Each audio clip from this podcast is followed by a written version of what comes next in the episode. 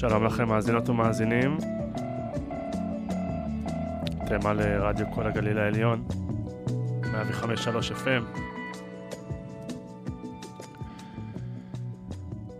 תוכנית מי ישמע? אנחנו יוצאים למסע השבועי שלנו כרגיל, עם הסיפור השבועי. הסיפור שלנו הפעם קוראים האיש והנחש.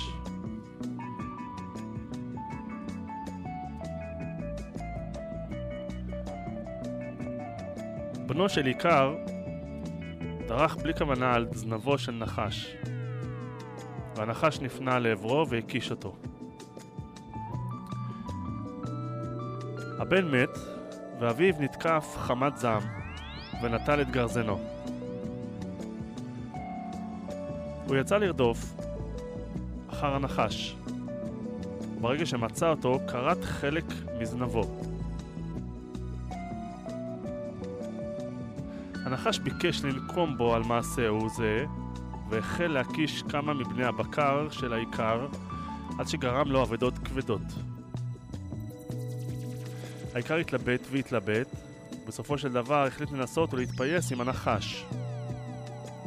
הוא הביא אוכל ודבש לפתחה של המחילה, ואמר לו, בוא נשכח את כל מה שהיה, ונסלח זה לזה. אולי צדקת כשהענשת את בני ונקמת את נקמתך בבני הבקר שלי, אבל אין ספק שאני צדקתי כשניסיתי לנקום את נקמתו של בני. ועכשיו, אחרי ששנינו כבר סיפקנו את תאוות הנקם שלנו, למה שלא נהיה שוב לידידים? לא ולא, אמר הנחש. קח מכאן את המתנות שהבאת איתך. אתה לא תוכל לעולם לשכוח את מותו של בנך, ואני לא אוכל לשכוח לעולם את אובדן זנבי.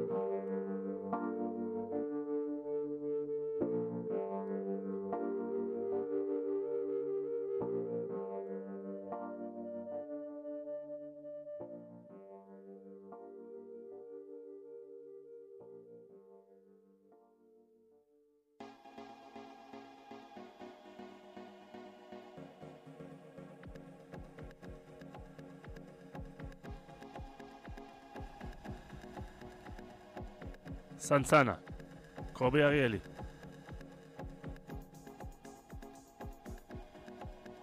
השבוע סגרתי מעגל של 17 שנה.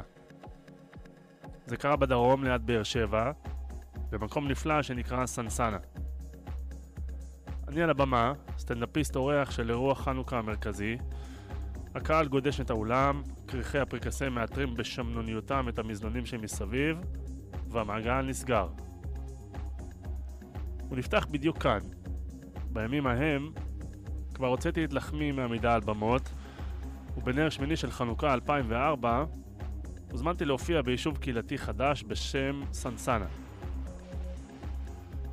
כביש 6 עוד לא בא לעולם, הדרך הייתה ארוכה, אני הייתי בלתי מנוסה בנסיעות כאלה, מבוהל ומפוחד מכבישים חשוכים ונטולי קליטה סלולרית, עד שביקשתי שייתנו לי ליווי מצומת להבים. הם צחקו עליי. שלחו ליווי ואחרי חמש דקות כבר היינו ביישוב. יישוב, לענייננו. הוא 40-30 קרוונים, חושך, צל מוות מסביב והרבה כוונות טובות. רצון ליישב את הנגב, שאיפה לאיכות חיים וטעם טוב בבחירת אמנים. זה באמת היה חור החורים. חמוד, אבל חור. את הסיפור הזה פרסמתי בזמנו במעריב, שבו כתבתי אז, והמסקנה שלי הייתה שכאשר אנחנו מדברים על ארץ ישראל, גבולותיה, חבליה, שטחיה ויישוביה, לרובנו אין מושג על מה מדובר. תיארתי שם את הפער בין מה שהתחולל בדמיון שלי, כשנסעתי בחושך, לחור לא נודע בדרום הר חרבון, לבין המציאות. פער שמתקיים עד היום בראשם של הרבה מאוד ישראלים. זה נכון גם לגבי אין ספור התנחלויות, שממוקמות דקה וחצי מרמת השרון או מכיכר ציון בירושלים, לא כל שכן לגבי יישוב ששוכן בלב הנגב ובתוך תחומי הקו הירוק. מאז שבתי ותיארתי את הנסיעה ההיא פעמים רבות. הגזמתי והוספתי הרבה פרטי אימה שלא היו ולא נבראו, והפכתי אותו לקטע סטנדאפ עשיר, שמדבר על דרך החתחתים לכל מיני התנחלויות מבודדות, ובעיקר על השקרים הקטנים של המזמין, שמוביל אותי בטלפון דרך אנדרטאות לזכר נופלים ודברים מרגיעים מהסוג הזה. השבוע נסגר המעגל. אחר הצהריים נכנסתי למכונית במרכז ירושלים. בתוך שעה הגעתי ליציאה מהעיר. הערים הגדולות הן כבר לא עניין שמתאים למכוניות פרטיות, אבל על זה נדבר בהזדמנות אחרת. ומשם שעה ורבע במהירות נינוחה עד לסנסנה היפה. באמת, חמש דקות מבאר שבע, באמת חמש דקות מצומת להבים. בעיכול הדרך מכביש 30 לעבר היישוב, נגלית פתאום על צלע ההר עיר קטנה, מוצפת אורות פנסים שמאירים רחובות, שדרות וצמחייה לרוב. הקרוונים של אז הפכו ליישוב יפהפה, שיש בו כבר שכונה א' ושכונה ב', וכבר לחוצים על ג' בגלל הביקוש. באולם הרחב, הרחב ישבו מולי מאות תושבים, שחלקם עוד זכרו את הביקור ההוא, ובאו איתי בחשבון. הצעירים קראו את הסיפור ההוא, שהופץ בכל היישוב, וביחד צחקנו צחוק גדול לכבוד הנגב הפורח, וקבענו להיפגש בחנוכה תשצ"ט, בעוד 17 שנה, באולם התרבות של סנסנה ה' או ו'.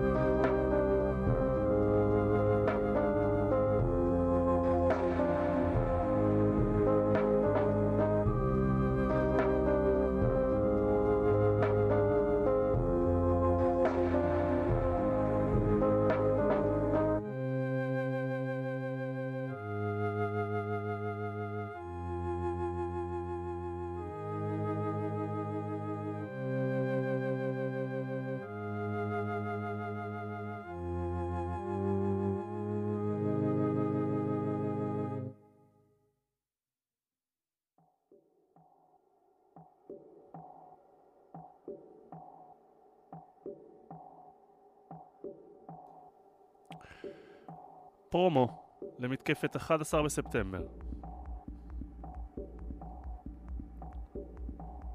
בערב חג המולד של 1994 עלו ארבעה גברים במדי משטרת אלג'יריה על מטוס אייר פרנס שעמד על מסלול ההמראה בשדה התעופה באלג'יר. הם אמרו שעליהם לבדוק את דרכוניהם של הנוסעים, אבל התנהגותם העצבנית והעובדה שהיו חמושים עוררו את חשדותיו של אחד מאנשי צוות המטוס. אנשי צבא אלג'ירים שהיו מוצבים בשדה התעופה חשדו גם הם בנאסא. איש לא הודיע להם שיש לבדוק את המטוס. הם יצאו אל מסלול ההמראה והקיפו את המטוס, ואז גילו שארבעת השוטרים הם טרוריסטים. המטוס נחטף. אבל החטיפה הזאת הייתה שונה מאחרות. החוטפים לא דרשו דרישות פוליטיות ולא פתחו משא ומתן על בני ערובה. לטיסת אייר פרנס 8969 תכננו החוטפים תוכנית זדונית הרבה יותר שהייתה בבחינת דגם למתקפה של אל-קאעידה ב-11 בספטמבר 2001. תחילה הכריחו החוטפים את כל הנשים שעל המטוס לכסות את ראשיהן. אחר כך שידרו באינטרקום מסר מצמרר. אללה בחר בנו להיות חייליו. אנחנו פה כדי להילחם את מלחמתו. מגדל הפיקוח של שדה התעופה ניסה להתמקח, אבל לחוטפים לא היה שום עניין בדיבורים. תשובתם היחידה הייתה ההודעה, המבשרת האות, שהם מתכוונים להטיס את המטוס לפריז. רשויות שדה התעופה סירבו להעתיק את כבשי המטוס, וכך מנעו את המראתו. החוטפים החליטו לאלץ אותם בכוח להיענות לדרישתם. הם בחרו באחד הנוסעים, קצין משטרה אלג'ירי, וירו בראשו. אל תהרגו אותי, יש לי אישה וילד. אלה היו מילותיו האחרונות. כעבור זמן קצר החליטו החוטפים להוציא להורג נוסע שני. בוי ג'אנג טו, נספח מסחרי בשגרירות וייטנאם באלג'יר, נורה אף הוא בראשו. התברר שמנהיג החוטפים, עבדול יחיא, הוא קנאי חסר רחמים. מפחיד לא פחות ממנו היה עוזרו, שכונה לופטי. הנוסעים החטופים כינו אותו המטורף, בשל התנהגותו האלימה והלא צפויה. החוטף השלישי נודע בשם הרוצח, כי הוא האיש שביצע את ההוצאות להורג. עם רדת הלילה, גבר מאוד המתח בתוך המטוס. הכל טעו מי הבא בתור להירצח. כשעלה השחר למחרת, יום חג המולד, קיבל שר הפנים של צרפת כמה חדשות איומות. סוכן סמוי בתוך הקבוצה האסלאמית של אלג'יר, הגוף שתכנן וביצע את החטיפה, מסר שהחוטפים מתכננים לרסק את המטוס בפריז. ואכן, כוונתם הייתה להטיס אותו לתוך מגדל אייפל ולהחריב את אחד מסמלי הידועים ביותר של צרפת. הטרוריסטים שבו ודרשו לאפשר להם להמריא, וכשלא מולאה דרישתם, הוציאו להורג נוסע שלישי. ממשלת צרפת ביקשה מממשלת אלג'יר לאפשר למטוס להמריא, אבל לדאוג שכמות הדלק במכליו תספיק לו להגיע עד מרסיי בלבד. ב-26 בדצמבר המריא סוף סוף המטוס לדרכו ונחת במרסיי ב-3.30 לפנות בוקר. החוטפים דרשו מרשויות שדה התעופה עוד 27 טונות דלק, הרבה יותר מתשעה טונות הדלק שהיו נחוצים למטוס כדי להגיע לפריז. המסקנה הייתה שהחוטפים עומדים להפוך את המטוס לכדור אש קטלני. אבל במרסיי כבר המתינה למטוס יחידת עילית של צבא צרפת, שהתכוננה להסתער עליו. הרגע לפעולה הגיע בחמש בבוקר, בדיוק כשיחיא עמד להורות על הריגת עוד נוסע. אנשי הכוח המיוחד הסיעו במהירות את כבשי המטוס אל הדלתות. אחר כך פרצו את הדלתות ונכנסו פנימה בפרץ של יריות. החוטפים השיבו אש ועד מהרה התעופפו קליעים לכל עבר בתוך המטוס. גם רימוני יד הושלכו ומילאו אותו בעשן סמיך. קרב היריות הדרמטי תואר בפי אחד מאנשי הצוות כאפוקליפסה. אבל זו הייתה אפוקליפסה יעילה. בתוך 20 דקות היו כל ארבעת החטופים הרוגים ו-166 הנוסעים ואנשי הצוות הורדו ונלקחו למקום מבטחים. הם היו המומים, מזועזעים ומותשים, אבל חיים. החוטפים לא הגשימו את מטרתם הסופית, להחריב את מגדל אייפל, אבל הם העמידו את הדגם לפעולת חטיפה דומה מאוד וקטלנית שבעתיים, ב-11 בספטמבר 2001. כמעט שלושת אלפים בני אדם חפים מפשע קיפחו את חייהם במתקפה ההיא.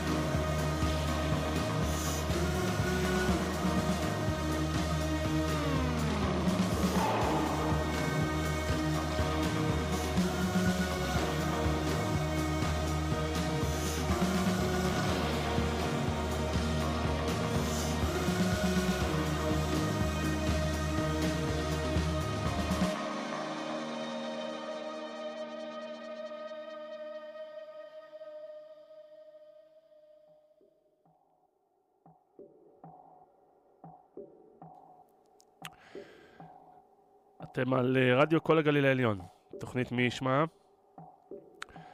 אם ברצונכם לשמוע תוכניות עבר של מי ישמע, אתם יכולים להיכנס לספוטיפיי, לרשום מי ישמע, תקבלו את התוכניות האחרונות. מכתב לאסתר חיות אברי גלעד כבוד הנשיאה חיות סליחה שאני פונה אלייך מעל דפי העיתון וסליחה שזה לא מעל דפי הארץ פשוט גם כבודך וגם המערכת שאת עומדת בראשה, מערכת המשפט, לא כל כך נגישות לפניות הציבור. ובכל זאת יש לציבור מה לומר. אז בתור אחד מהציבור, הייתי שמח לדעת אם כבודך הרימה השבוע טלפון לכבוד השופטת דלית שרון גרין, מבית המשפט בנצרת. השופטת גרין גזרה על לילך אמסלם, סייעת בגן שהתעללה בילדים, צולמה מרימה ילד מהשיער באוויר, מכות, מעיכות, כל הסרט, שלושה חודשי עבודות שירות. האם כבוד הנשיאה, שאלת את השופטת אילו ערכים היא חושבת שהפסיקה שלה משקפת? מה המסר לסייעת? מה המסר לשאר כוחות הטיפול? האם החוק מספק פה הרתעה או נותן עידוד להתנהגות עבריינית לא אנושית? מבחילה. האם כבוד הנשיאה ביקש לראות את התיקים האחרונים של השופטת ולבדוק, אולי במקרה היא נוטה באופן כללי לא להעניש פושעים ואינה מתאימה לתפקידה? כי יש תחושה שבגלל שמערכת המשפט תחת מתקפה כה עזה, חלקה ענייני וחלקה פחות, את מתייצבת כחומה בצורה בפני כל ביקורת. ותחת מטריית ההגנה שאת מספקת, קורים יותר ויותר מקרים שהדעת לא יכולה לתפוס. ברור לאדם הסביר שמי שקיבל את ההחלטה הזאת אינו שופט סביר, לכאורה. האם ראית השבוע שכבוד השופטת טל תדמור זמיר שחררה את החשוד ברצח ליטל יעל מלניק למעצר בית? החלטה שבית המשפט המחוזי הפך אחר כך. האם החשדות שמייחסים לו נכונים? ולא נחזור על הדברים, מדובר באדם מסוכן ביותר. מה לא בביתו? או במעצר או באשפוז פסיכיאטרי. לעניות דעתי הבלתי נחשבת, כבודה. האמון של הציבור במערכת המשפט בשפל של כל הזמנים, ובצדק. יש תחושה שהמערכת מתנהלת על פי מערכת חוקים שאין ולו דבר בינם ובין טובת הציבור. ההפך. מאולמות המשפט משוחררים לעיתים אל תוך הציבור אנשים מסוכנים, חולים, שמשחרים לטרף הבא. זה קורה להבנתי כי יש יותר מדי אנשים שחובטו במערכת התכנות של הפרוגרסיביות העולמית, חברים בכת ה-PC הגלובלית, שהקשר שלהם למשפט העברי ולעם העברי קצת חלשים לטעמי, לכאורה. צריך בחירות למשרות שיפוט.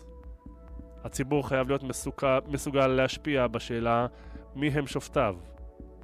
הצדק שהם פוסקים חייב להיות מקובל על אזרחי המדינה.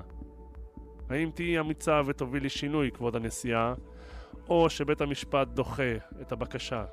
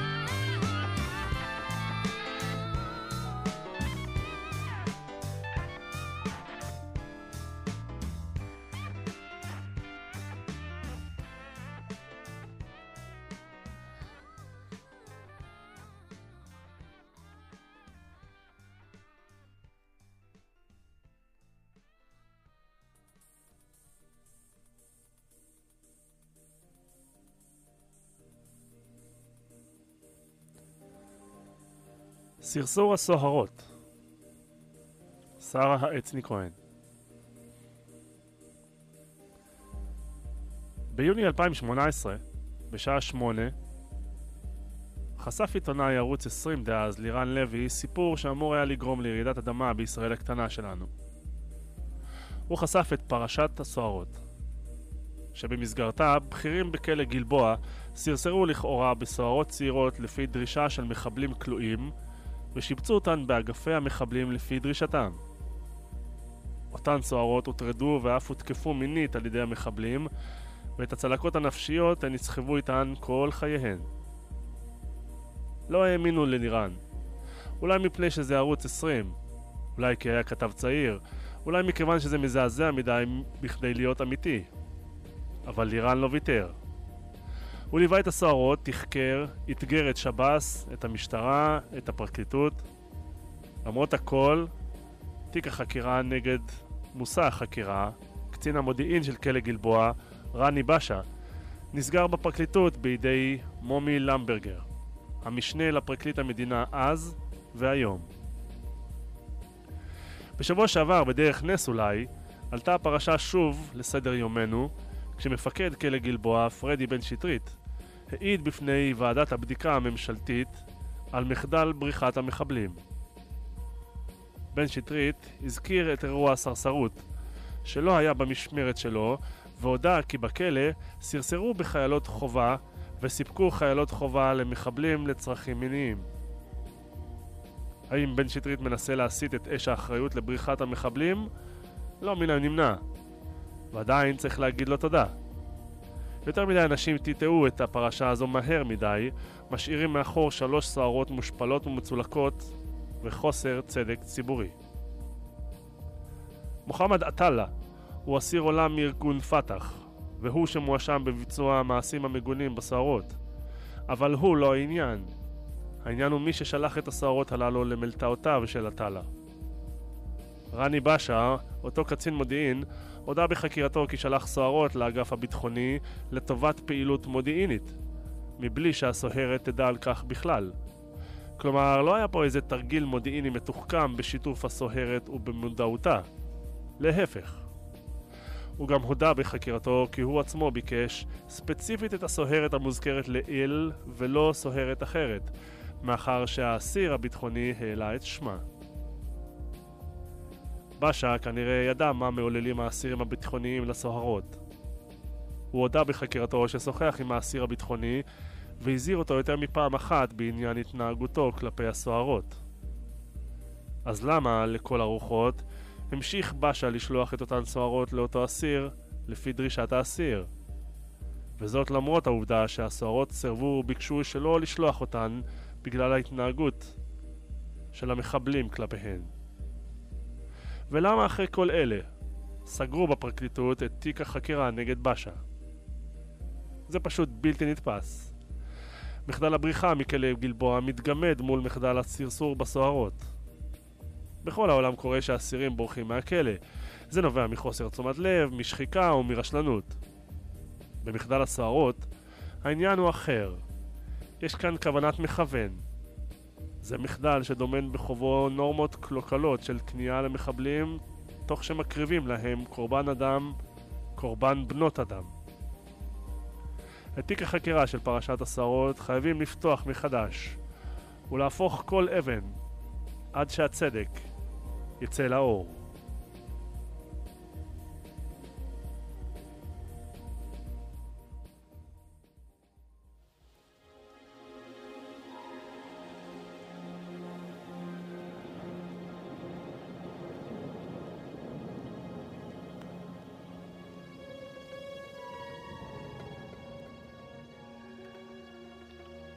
Remember, Kung Fu is the art of self-defense. I'm not interested in killing. I just want to prove how bad your kicks are.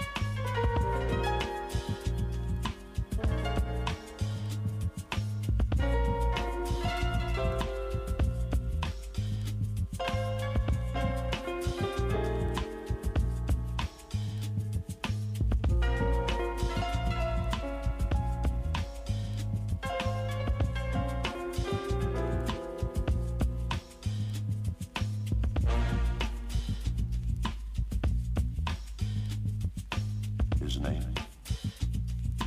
Kung Fu Kick.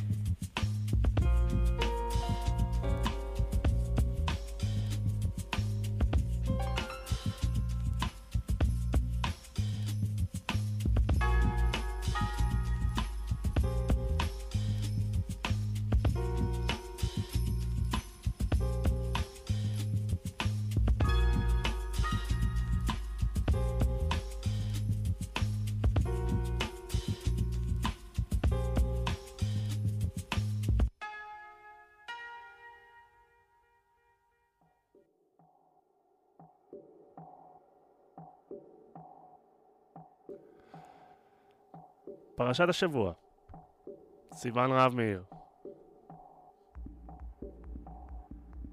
שבת חנוכה לפנינו. קוראים בה את פרשת מקץ, על סיפור יוסף ואחיו, ומדליקים שישה נרות חנוכה לפני השבת ושבעה נרות בצאתה. העובדה שיוצאים עם החנוכיה אל החלון, המרפסת או דלת הבניין, מאפשרת מפגש בלתי אמצעי עם השכונה והקהילה. אנשים שמזמן לא ראית, מזייפים פתאום את מעוז צור עם ילדיהם. אבל יש מי שיוזם, הוא פשוט מזמין שכנים להדלקה המשותפת. עורכת הדין עירית הלוי משכונת גבעת משואה בירושלים עשתה זאת השבוע.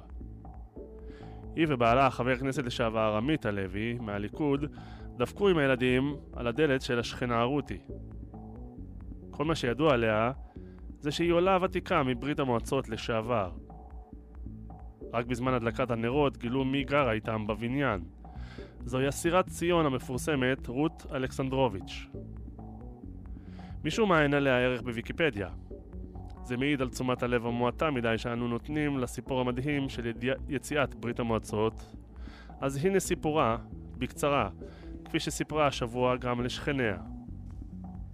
היא נולדה בלטביה הקומוניסטית, ובגיל 14 הצטרפה להתארגנות יהודית מחתרתית. עד שהצליחה לעלות, היא הפעילה בניגוד לחוק חוגים ללימוד יהדות ועברית. ארגנה מחנות קיץ והבריחה גלויות עם תמונות של ישראל. היא נעצרה על ידי הקג"ב שבוע לפני חתונתה. בדירתה נמצאו חומרים אסורים רבים, בהם תמונה של גולדה מאיר וספר היסטוריה יהודית. לחוקרים ניסתה להסביר כי גולדה היא בסך הכל סבתא שלה. הקג"ב חקר אותה במשך כחצי שנה, ואז היא נשלחה לשנה של עבודות כפייה. אחרי הפגנות למענה בכל העולם היא שוחררה ועלתה ארצה. כאן עבדה כאחות בהדסה עין כרם, והמשיכה בפעילות למען עולים. וכך, מול הנרות, היא סיפרה השבוע את סיפורם של החשמונאים של דורנו. בית ספר ותנועת נוער בשכונה ששמעו על כך כבר ביקשו שתגיע לספר גם להם. אז לא בטוח שלשכנים שלכם יש כזה סיפור דרמטי. אבל לכו תדעו כמה אור מסתתר בדלת ממול. חנוכה שמח. מאת סיוון רהב מאיר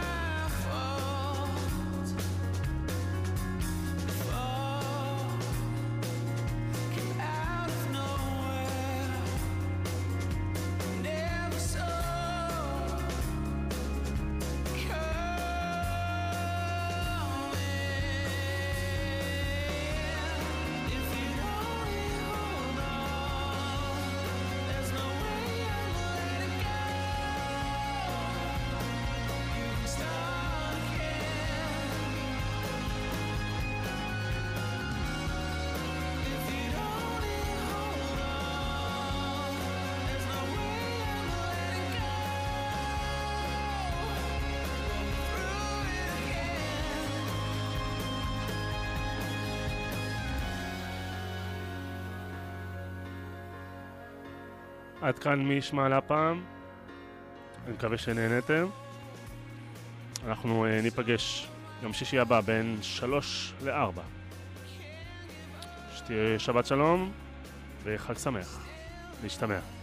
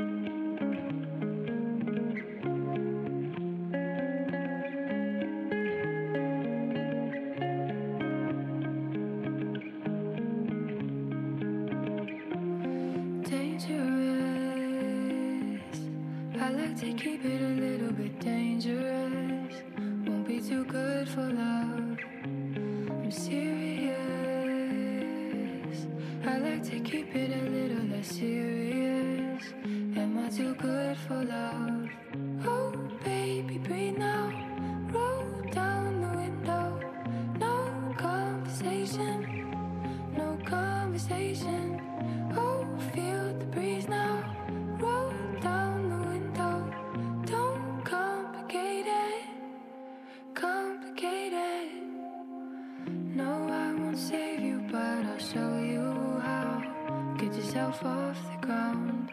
Not gonna let you down.